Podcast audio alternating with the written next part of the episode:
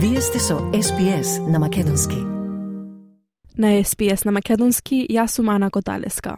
Во парламентот на Нов Южен Велс обелоденета е култура на малтретирање и сексуално вознемирување.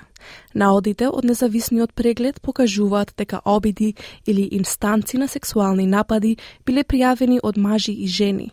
Тоа следи по независниот преглед на парламентарните работни места низ земјава, кој беше објавен кон крајот на минатата година со слични осудувачки заклучоци. Повеќе во прилогот на Тина Куин и Тања Дендринос за SBS News.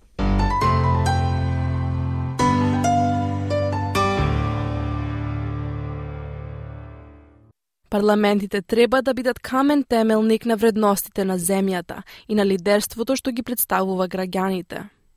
Но во зидовите на парламентот на Нов Южен Велс се крие она што државниот премиер Доминик Перетей го нарече цитат токсична култура. Тој рече дека секое работно место низ нашата држава треба да биде безбедно од сексуално вознемирување и сексуален напад, а тоа очигледно не е реалноста во парламентот на Нов Южен Велс. It is sobering, confronting, and completely unacceptable. Every workplace across our state uh, should be safe, uh, free from harassment, uh, from sexual harassment, and sexual assault. But that is clearly not the case in the New South Wales Parliament. Прегледот на државниот парламент од страна на поранешната национална комесарка за полова дискриминација Елизабет Бродрик во петокот откри дека во парламентот постои култура преполна со малтретирање и цитат сексуално вознемирување и сексизам. Parliamentarians are leaders and role models in our society. Uh, they should lead from the front. Uh, clearly, we have a culture in the New South Wales Parliament that over time uh, has become, in many instances, toxic and is wrong. Истражувањето анкетираше 447 лица вработени во парламентот и покажа дека сексуалното вознемирување и сексизмот се случуваат со фреквенција која извештајот ја опиша како цитат неприфатлива. Според прегледот, сексуалното вознемирување и сексизмот се најраспространети во однос на жените и припадниците на ЛГБТ заедницата. Независниот преглед беше организиран минатата година, откако беа покренати неколку жалби за злоупотреба на персоналот. Од анкетираните, пет лица рекоа дека доживеале истанца или обид за сексуален напад на нивното работно место во парламентот во Нов Велс, а голем број канцеларии се опишани како места во кои тоа се случува редовно. I've never witnessed or seen um, any of this behaviour in the entire time that I've been in the New South Wales Parliament. I have not seen it. But that does not mean, and it's pretty clear, that that's occurring. Извештајот доаѓа само 9 месеци по независен преглед на работните места на парламентите на земјава кои имаше слични осудувачки заклучоци. Брони Тейлор, државната министерка за жени, вели дека најновиот извештај има јасна порака за сторителите. Таа ги советува сторителите да бараат помош и да го напуштат парламентот на Нов Ижен Велс. You know who you are. And my very strong advice to you is that you do not belong in the Parliament of New South Wales. I ask you to think very long and hard about this. And I ask you to make sure that if this is you that is mentioned, get the help that you need and please leave the New South Wales Parliament.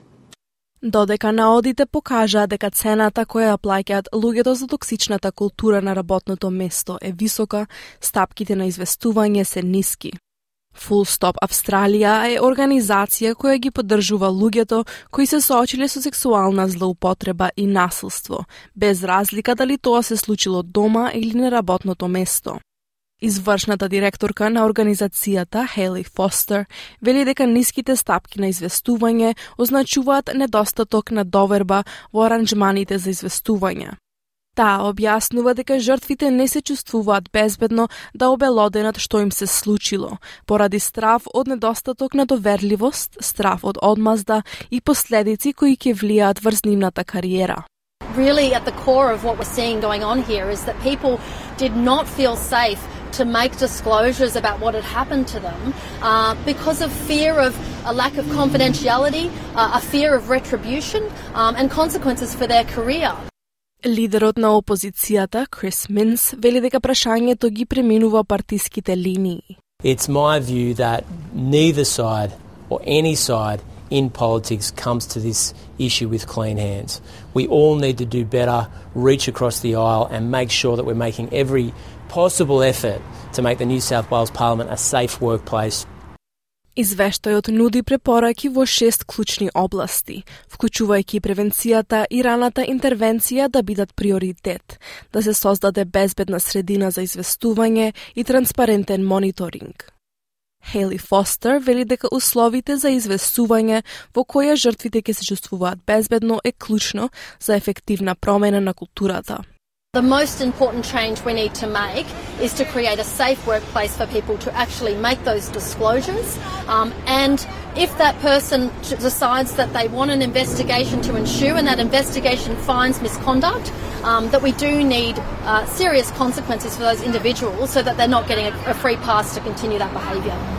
Извештајот потврди дека последиците од овие проблеми најмногу влијат врз абориджините и жителите на Торес Теснец и луѓето од културно и јазично различно потекло.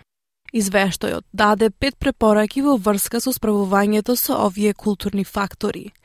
Тие вклучуваат промени во нивото на различност и инклузија, решавање на неравнотежата поврзана со позицијата, подобрување на работното време, намалување на проблемите поврзани со консумирање алкохол и формирање на работна група за намалување на специфичните ризици за ЛГБТ луѓето.